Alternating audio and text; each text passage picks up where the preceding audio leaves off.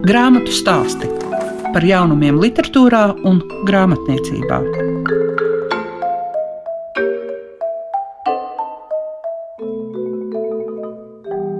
Gada izskaņas grāmatu stāstu laiks ir klāts. Sveicinājums no Liegas Piešiņas, un šodien mēs ar Andru Akmentiņu noskaidrosim laimīgas beigas tā saucas viņa jaunākā grāmata, kā arī kopā ar Zani Eniņu dosimies Santiago ceļā, kur līdzās ir arī plāksteris pēdām un sirdī. Grāmatu stāsti programmā Klasika. Tāda pirmsvētku trokšņa šobrīd ir pieklusuši, bet tas pirmais klikšķītis atverot grāmatu Andra Akmentiņa laimīgas beigas bija. Un tas jau ir mans, nevis autora paša ieraksts man arī ir grāmatā. Laimīgas beigas, Andrija, ja tas ir piektais dzējoļu krājums, par kādām beigām mēs runājam par apokalipsi? Arī par tām, jā. Šī ir ļoti optimistiska grāmata par apakalipsi. Varbūt pat priecīgākā no visām, kādas ir bijušas. Jo tas lielais uzstādījums ir tāds, ka šī civilizācija, protams, ir nolemta. Un, nu, viņa katrā ziņā nav jauna. Šie nav viņas spēka gadi it nemaz. Bet savā mazajā brīdī mēs varam paspēt priecāties par ļoti daudz ko un, un atrast kaut kādu laimi. Tā lielā aina ir diezgan bēdīga. Mazajā līmenī, jā, grāmata ir tāds kā atskats uz dažādiem dzīves posmiem, un arī kopumā te izskan jā, tāds atvadu posms no Rīgas, piemēram, vai arī ar 30 gadu makšķernieka pieredzi vai to makšķernieku mūžu. Es arī jau atskatos, ka tas ir garām. Un kaut kas garīgā ziņā tur ir noslēdzies. Nu, divas reizes gadā es varu aizbraukt, un tas ir jauki. Es par to sapņoju. Bet skaidrs, ka es tā ļoti aktīvi tagad nē, es mēģināšu vairāk no nu, lauka mājas atjaunošanu, esmu aizrāvies. Un tā. nu, un tad, protams, tādi dzīves posmi, kuriem ir arī jāļauj beigties, kur cilvēki nebeidz un nebeidz kaut ko. Tā kā uzstāšanos rādījā, piemēram, vajadzētu kaut kā laimīgi beigt, bet nu, izmisīgi vēl tiek kaut kas spiests. Protams, ja ir iemesli turpināt, kāpēc gan nē, piemēram, nu, ja ir laimīga laulības dzīve, tad nu, nevajag viņu uzreiz beigt tāpēc labākajā brīdī. Bet ir lietas, kurām tiešām jāļauj beigties. Pēkšņi iedomājos, kā piemēru to sajūtu, ka trakais pusauģis posms ir beidzies, tad vecāki ir laimīgi. Tādas, piemēram, laimīgas beigas. Jo nu, es ar savā ziņā es esmu joprojām palicis tāds palaidnis ar drusku aizlaustu iniciatīvu, gan, bet kopumā joprojām palaidnis. Un šeit tas varbūt izpaužās tādā spēles momentā, un drusku priecājos par valodu arī, un ka valoda mazliet uzspīd. Nu, tādas pavisam mazākas beigas varbūt ir šim gadam. Pienāks beigas, un es arī novēlu visiem viņas laimīgas. Bet nu, ir lietas, kuras varbūt nevajadzētu nolaist tik tālu, ka laimīgas beigas nav iespējams. Es domāju, ka, lai kā beigtos Ukraiņas karš, tad mēs nesauksim šīs beigas par īsti laimīgām. Bet tur vairs nevar būt runa par laimi tādā parastajā izpratnē. Ļoti daudz ir arī tādas nu, laimīgas beigas, tādā ziņā, ka tā dzīve ir spiesta turpināties pēc tam. Kameras izslēdzas un pāris, piemēram, ir spiest sadzīvot. Nu, tagad ir izlielīts, un tagad esam pārdevuši savu to laimi vai ne uz āru, un nu, tagad ir jāsāk mazgāt trauku jauki un pēkšņi nav vairs tik labi. Tur ir arī ironija, diezgan daudz grāmatā tāda arī par mums kā kopumu. Tā kā tur pārlīst gan tiešā nozīme, gan pārnestā dažādi izmēri beigas. Tur ir ļoti daudz. Un būtībā katram dzējolim es varu pastāstīt stāstu, kas tieši beidzies šajā dzējolī.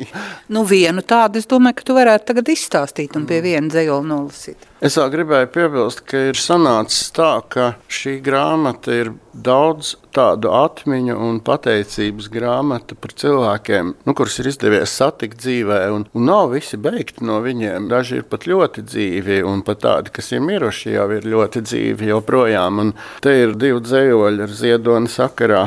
Un tas viens ir konkrēti rakstīts pēc ziedoņa bērēm, kā pārcēlums. Ticēt, ka kaut kur pastāv pārcēlums jaunā rindā, un tad tur ir arī attiecīgi pārcēlumi uz jaunā rindā vārdi dalīti lasīti, un apaļš un gatavs kā ziedonis. Ir ziedoņa motīvs, ir Jura Kronberga motīvs, piemēram, kurš gan nav tik daudz dzējā Kronberga motīvs, bet vairāk tā kā es iedomājos, ka šis dzējos būtu jālasa viņa balsī, ka viņš vislabāk skanētu, kā Kronbergs lasa. Laikam es iešu uz rakstnieku mājas dzējoli Vīlipsonam, reku dzimšanas dienas dzējolis, un tur es atstāju Tur es atstāju nosaukumu, ka Vīlipsonam rakstīts, bet tad ir dzējolis, kas vispār tika rakstīts Andrei Konstē, bet viņam tagad grāmatā ir virsraksts rakstnieku mājā. Lai gan oriģināli viņš tā arī tika rakstīts kā veltījums Andrei Konstē dzimšanas dienā, un mana rakstnieku mājā ir zināms sakars. Nāk rīts par citu rītu gudrāks, te noderētu smaids, te darba plāns, te sauja kūdras, te plecs, te paša audzēts baziliks aiz loga. Te jāklāj galds, kas sasauks visus atkal kopā, kad rīt ko katru mīļu rītu kūrām no tīras iedvesmas, bez receptēm un viltus nāk pāri uzticamiem tiltiem, to nevar pierakstīt. Tu tikai skaties, kā sārta saules mēlīte virs mežiem izšaujas un diena trinas, lai to izved pastaigāties. Protams, ka Andris lielais suns ir drusku ienācis nobeigumā, kad diena trīnis, lai to iziet pastaigāties. Tur zinātājiem ir sava poētika un no malas lasītājiem sava poētika. Un jau pieminētais Ukrainas karš ir arī Ukrainas kara dzējoļi pati. Te jāpiebilst ar pateicību grāmatas redaktors Edvīns Raups. Viena lieta, ko viņš labi izdarīja, viņš dažos dzējoļos un grāmatā kopumā ir samazinājis manu dabisko pļāpības līmeni, palīdzot koncentrēties vienkārši. Tas ir labi. To vajadzētu ar katru autoru tā izdarīt. Sevišķi ar tādu, kurš ir mūža galā sācis rakstīt tādu sarežģītu dzēprozu. Tur jau viena lapus vairāk vai mazāk, tas ir liels jautājums. Jo var jau uzrakstīt 50 lapas arī. Tur sāks cita ķīmija. Es šī ziņā esmu iesācējis, un tā ir jauka dabīga sajūta, kur ir vēl eksperimenti. Bet nu, šī grāmata faktiski ir ļoti eklektiska formas ziņā, ka te ir gan dziesma ar atskaņām, gan īsumi, gan dzēproza, patiešām gara. Man šķita vienkārši, ka tikai dzēproza būtu varbūt par monotonu lasītājiem, bet tas nav tāpēc, ka ir 12 gadu tas rakstīšanas cikls, bet vairāk to man gribējās piebilst, ka runa ir drīzāk par manām haotiskajām garastāvokļa svārstībām vienas dienas laikā arī, kur varētu būt, ka viena ideja saistās ar garu vārdu virteni, kas pati sevi tā kā uzkurina, un atkal kaut kāds brīdis, kad varētu ļoti vienkārši nonākt līdz dziesmai. Un kaut kādā brīdī, kad tu saproti, ka tā ir četrinda un tā ir dziedama, un ka nav tā, ka tagad visiem jāraksta šādi vai visiem jāraksta tādi, bet te viņš tā pārplūst tās formas formas. Četri dzējoļu krājumi, tad viens romāns skolotāji, tad viens romāns par Jānu Ezeriņu, un tagad atkal laimīgas beigas. Ko tev ir devuši tie divi romāni šim jaunākajam dzējoļu krājumam? Tieši šīs grāmatas kontekstā es domāju, ka Varbūt viņa būtu bijusi ātrāk, ja nebūtu bijuši tie romāni, jo man būtu vairāk sāpējis, ka man tās grāmatas nav, ka tie desmit gadi nāk virsū, jo es jau baigi neraujos. Tā ir mana kurmīša stratēģija. Es negribu visu laiku būt, es negribu, lai ar mani sāktos panorāma regulāri. Man gribētos iegūt kaut kādu tādu gatavību, likties tas ir nobriedis, tas ir pārbaudījies, ļoti daudz te ir atmests un tādā veidā. Bet pašas pašas tās grāmatas, man liekas, īpaši ezeriņa grāmata mani aizveda pie ļoti jaukiem cilvēkiem. Jāpiemina draudzība ar Dācis Virgsdiņu, ko mēs joprojām sarakstamies, un, un arī izpratni par ezeriņu kā dzēnieku, kurš pats sevi joprojām uzskatīja par dzēnieku un izmisīgi sapņoja par to savu krājumu. Un regulāri reiz gadā izveidoja šo krājumu, un tā arī nepiedzīvoja. Un tā ir milzīga komforta zona un nenormāla veiksme ieraudzīt dzīves laikā savu grāmatu. Un to tā liekas, tas nav tā automātiski. Nu, tagad rakstam kultūras fondam, un vienmēr man čaklā teksts palicis ir atmiņā. Es viņu arī bieži atkārtoju, nu, ka, lūk, ja dzēnieks reiz gadā neizdod grāmatu, Andri viņu aizmirst, un es saku, nu, bet tas taču labi, Mār, jo tad te var atkal satikt un atkal atcerēties. Un, nu, jā, man stratēģija ir šādā veidā mierīgi nesteigties un, un ļaut lietām nobriest, jo ātrāk rauts krājums būtu vēl trakāk sauktos rētēns patērētājs, tad tas, kā man lielais dāvs pārmet, būtu bijis vairāk par šo patērētāju sabiedrības trulumu un pat bērniņiem, kas tiek izmesti no vannas šī patēriņa procesā. Nu, ja tas pārņem galvu, atbalsis ir šeit grāmatā pietiekami. Un, eh, protams, ka viens sapnis mazāk, man vienmēr paralēli dzējai bija sapnis uzrakstīt savu romānu, es arī to nepārtraukti darīju. Bet, protams, ka reāli tikt līdz galam vieglāk ir tad, kad ir šis pasūtījums, līgums un kāds tev žmiedz. Un es sevi tik labi nemāku žmiegt, un tāpēc mans sapņu romāns joprojām tiek rakstīts. Varbūt tā lai arī paliek. Man ir dzīves plāns, tāpēc arī ja tās laimīgas beigas, ka faktiski es pats no sevis vairs nu, sanāk, sanāks, misinē nemetīšu, bet uh, es vairāk dzējā nu, neko tā beig neplānoju teikt. Protams, man ir uzreiz sācies jauns koncepts, mazās kristāliskās, nu, īsi formas, ko es tagad uh, pierakstu. Bet vai tur sanāks grāmata pēc desmit gadiem, vai mēs te būsim un kas te vispār būs? Varbūt atomkarš un tā bez uztraukuma. Bet ir pilnīgi skaidri, ka es gribu to kapsēnu gabalu pabeigt. Tas būtu tā pieklājīgi pret sevi. Un bērnu dzējoļu grāmatu man gribētos pabeigt. Nu, gan arī jau ir viņa gatava. Drusciņi tur arī vēl jāpieraksta. Drīzāk pat konceptuāli sapratni. Grāmatu stāsti tiem, kam grāmatu lasīšana ir vērtība. Zana Eniņā ir apceļojusi vairāk nekā 80 valstis, un savus piedzīvojumus viņa aizrautīgi ataino ceļojuma blogā Mugursoma LV. Kā visa rezultātā ir tapušas arī pirmās divas grāmatas - Nekaunīgais pingvīns un Uz Aļasku un atpakaļ. Un tagad mēs varam runāt jau par trešo grāmatu - Santiago ceļš plāksteris pēdām un sirdī. Zani pieder pie tiem, kas ceļo viegli un arī budžetam draudzīgi. Bet, ja mēs runājam par Santiago ceļu, tad te ir arī pieredze, kuru var iegūt Latvijā. Uzklausīsim Zanas Eniņas sacīto un neaizmirsīsim, ka ceļš mums iepazīt liek sevi dažādos līmeņos, gan fiziski, gan emocionāli, gan arī garīgi. Jā, es gribu teikt, ka cilvēki ceļo ļoti dažādi, un nav pareizi vai nepareizi. Ir cilvēki, kas ļoti labi jūtas tad, kad viņi ir precīzi saplānojuši un zina iepriekš, kur viņi gulēs, ko darīs, ko skatīsies. Savukārt, uh, Es esmu vienkārši slinka, teiksim tā. Arī daļai tas ir radies dēļ aizņemtības, ka man nebija laika rūpīgi visu izplānot un saprast, kur nu es būšu. Un kādā brīdī es sapratu, ka tas nav viss mīnus, bet gluži pretēji, ka tādā veidā man izdodas nokļūt vietās, kurās es citādi nekad nenonāktu, jo es satieku kādu cilvēku, kurš kaut kur dodas un paaicina man līdzi. Patiesībā par to ir visa otrā grāmata, jo es nebiju plānojis doties ne uz Aļasku, ne atpakaļ. Bet Antarktīdā esot, es iepazinos ar uh, puisi no Kanādas, Rafaelu, un viņš bija iecerējis šādu braucienu.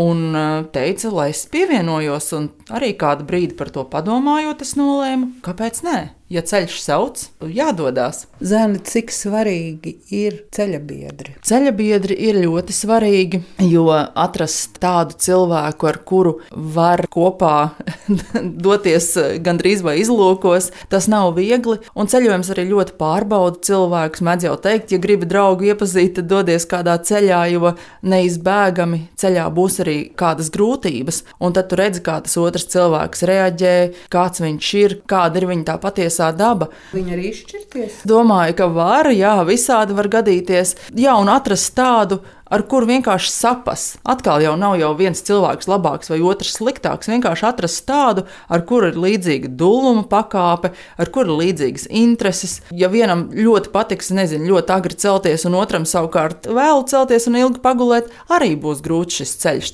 Jāatrod tāds kompromiss un, un kopējas intereses. Jo savukārt, ja tu izlēms braukt piemēram ar draugu, ar kuru ļoti labi saskan šeit, Bet izrādās, ka ceļojumā jums tā kā nevisai saskan. Bet tad eh, draudzenei pateikt, zini, ko nu, es tagad gribētu mazliet šķirties no tevis un paceļot atsevišķi, tas jau ir sarežģītāk. Tā, tā tāda viena no priekšrocībām ceļojot vienatnē. Kā ir ar mājiniekiem? Nu, tas nozīmē, ka jūsos ir kaut kāda tāda indeve iekšā, nu, ka viss šobrīd ir pienācis tas brīdis, kad es gribu atkal kaut kur ceļot bet mainiekus līdzi neņem. Jā, un nē, jo es esmu ceļojusi ļoti dažādās sabiedrībās. Esmu ceļojusi kopā ar savu vecāku ģimeni un brāļiem, esmu ceļojusi ar savu dzīves biedru, esmu ceļojusi ar draugiem. Tas nenozīmē, ka es pilnīgi vienmēr kaut kur metos viena pati. Bet tā kā tie mani ceļojumi mēdz būt tādi, ka es aizbraucu piemēram uz pusgadu vai gadu, nu tad uh, ir diezgan grūti atrast kādu, kurš būtu vienkārši ar mieru doties tik ilgi līdzi. Un tas ir arī principā finansējuma jautājums. Jā, arī? es teiktu, ka tas ir stāsts par naudu, bet tas ir stāsts arī par dzīves situāciju. Mums katram ir sava dzīves situācija. Un ir tādas, kurās mēs nevaram atļauties būt ilgāku laiku prom, un ir tādas, kad mēs varam. Tas ir no tā, manuprāt, visvairāk atkarīgs. Aizbraucot prom no Latvijas, es labāk ieraudzīju Latviju. Jo dažreiz ir vajadzīgs mazliet pakāpties atpakaļ, lai tu redzētu, kas mums īpaši ir. Un Latvija man vienmēr ir patikusi. Nav tā, ka es tagad teicu, nē, Latvijā viss ir slikti, es tagad braukšu kaut kur ceļot. Man likās, ka Latvijā ir skaisti, bet tad, kad es izceļojos pa pasauli, tad es sapratu, ka pie mums nevis ir skaisti, bet ir ļoti, ļoti, ļoti skaisti. Un tā dabas daudzveidība, kontrolēta mežonība, es gribētu teikt, četri gada laiki, jūra, upe, mežs, ezers. Tas viss mums ir šeit vienā tādā mazā zemes pleķītī. Un mūsu spēja saprast dabu un iet mežā, atpazīt sēnes, ogas, augus, tas ļoti daudz kur vairs neeksistē. Aļas, kā es iegāju mežā, salasīju brūklenes, pagatavoju ievārījumu pie pankūkām un noliku ogus uz galda. Meitenes no Amerikas nāca garšoja un teica, Zani, kur tu tik garšīgas ogas nopirki? Un viņām neienāk prātā, ka var ieiet tepat mežā un tas viss mums aug pie kājām. Man ceļa biedri ilgi vajadzēja pārliecināt, lai viņš ēstu apšubeku sēņu mērci. Zana, tu tiešām esi pārliecināta, ka tās var ēst? Jā, esmu. Tā kā tas, ka mēs lielākoties spējam to visu atpazīt, tā mums ir ļoti, ļoti liela bagātība. To es cenšos eh, mums pašiem atgādināt, jo mēs paši to neredzam, jo visi jau to zina. Nē, pasaulē cilvēki to ir aizmirsuši, un mēs ne. Ceļš katram ir savs. Un eh, es teiktu, ka diezgan bieži dzīvē mums visādas neražas rodas no tā, ka mēs mēģinām salīdzināt, cik otram ir naudas, cik otram ir liela māja, jauna vai liela mašīna vai suns. Nezinu, bet uh, nav ko salīdzināties. Vienkārši ir vērts izvēlēties tādu dzīvi, kādu tu pats vēlies dzīvot un kādu tu vari piedzīvot. Un, un par to arī priecāties. Vai jums vajadzēja ļoti saņemties, lai dotos šādos ceļojumos? Nu, jā, un nē, atkal. Uh, Ceļot var dažādi, un, un es jau iepriekš sarunā minēju, ka nav pareizi vai nepareizi veidu. Ja ir iespēja braukt kopā ar, ar jautru draugu vai paziņu loku, vai pat svešu cilvēku loku autobusā, es arī tā esmu braukusi, viss kārtībā. Tam ir savi plusi. Savukārt vienam pašam, iesēžoties lidmašīnā un piezemējoties kaut kur Dienvidamerikas otrā galā, atkal ir citi plusi. Es neteiktu, ka tas ir kaut kāds tāds, nezinu, liels saņemšanās vai drosmes faktors. Nu, kā tu iekāp tajā lidmašīnā, viņi nosēžās un tad tu esi tur, kur tu esi. un viss. un bailes. No kā? No, no visa. No sliktas, labas lietas tiešām mūs var piemeklēt pilnīgi jebkur. Un uh, labi cilvēki ir visur, slikti cilvēki ir visur, čūskas ir visur. Vai jūsu ceļa biedri ir arī grāmatas? Vai grāmatā? Es reti, kad ņemu līdzi fiziski grāmatas, jo man uh, mugursomā parasti jau tā trūkst vietas, bet ceļā es sastopu grāmatas. Piemēram, man ir bijis gadījums, kad ciemojoties Peru pie viena vietējā cilvēka, divām sērfojot, viņš man atdāvināja vienu no manām mīļākajām grāmatām, Trīs vīru laivā, ko viņam bija atstājusi kāda cita latviešu meitene, kas iepriekš bija palikusi. Un tieši latviešu valodā. Un tieši latviešu valodā, un man tas ļoti patika, un es to grāmatu paņēmu līdzi un pārlasīju jau nezinu, kuro reizi. Un, ja es nekļūdos, es viņu savukārt atdāvināju vienam latvietim atkal Kanādas ziemeļos. Tā kā tā tās grāmatas daždien ceļo. Kurā brīdī jums pašai radās tas rakstīt prieks? Jo, nu, mugursomē LV var lasīt blogi, bet laikam te kādas nu, 300 lapus jau ir katrai no tām grāmatām, un tās ir tik aizraujošas, ka tu vienā elpas vilcienā seko tiem notikumiem, un, protams, dīvānā vai krēslā sēžot. Jāteic, ka rakstīšana pie manis atnāca pirms ceļošanas, un arī bloks tappa jau kādu brīdiņu pirms es sāku ceļot jo man ļoti gribējās rakstīt, eh, šādā veidā izpausties, un es to arī sāku darīt. Un savukārt, tad, kad es pievērsos ceļošanai, es sapratu, ka ceļošana ir ļoti pateicīga tēma, par ko rakstīt jo ir daudz piedzīvojumu, pieredzes, satiktie cilvēki, un viņi tā vien prasās tapt izstāstīti. Tādējādi šie bloga ieraksti, tādas ceļojuma piezīmes, ko es sākumā rakstīju pati sev un tikai tuvākajiem cilvēkiem, lēnā garā ir iekarojušas arī plašāku auditorijas eh, sirdi, un tagad arī pārtapuši šajās divās grāmatās. Zēna, vai ir kaut kāds tāds moments, ka liekas, nu jā, tagad jūs jau varat saukt par rakstnieci? Tas ir šausmīgi grūts jautājums, jo mēs tieši tieši spriedām ar kaut kādiem liekas, līdzīgiem cilvēkiem, kad tu drīkst saukties par rakstnieci. Vai pēc pirmās grāmatas, vai pēc otrās, vai pēc divdesmitās, nezinu. Grūti pateikt. Man ļoti patīk rakstīt. Tā ir mana sirdslieta, un tāpēc arī ir tapis šis bloks. Blogā ir vairāk nekā 1200 ierakstu. Tā kā grāmatas ir tikai maza daļiņa no tā visa rakstītā. Nezinu, rakstītāji izskan grāmatu stāsti. Šīs dienas raidījumā dzirdējāt Andri Akmentiņu, kuram ir iznākusi jauna grāmata Laimīgas beigas, kā arī Zani Eniņu, kurai jaunākais devums ir trešā ceļojuma grāmata Santiago ceļš plāksteris pēdām un sirdī. Lai piedzīvotais un pārdzīvotais, kas izlasāms grāmatās, mūs mudina meklēt jaunu lasām vielu. Tā jums saka gada izskaņā Liega Piešiņa.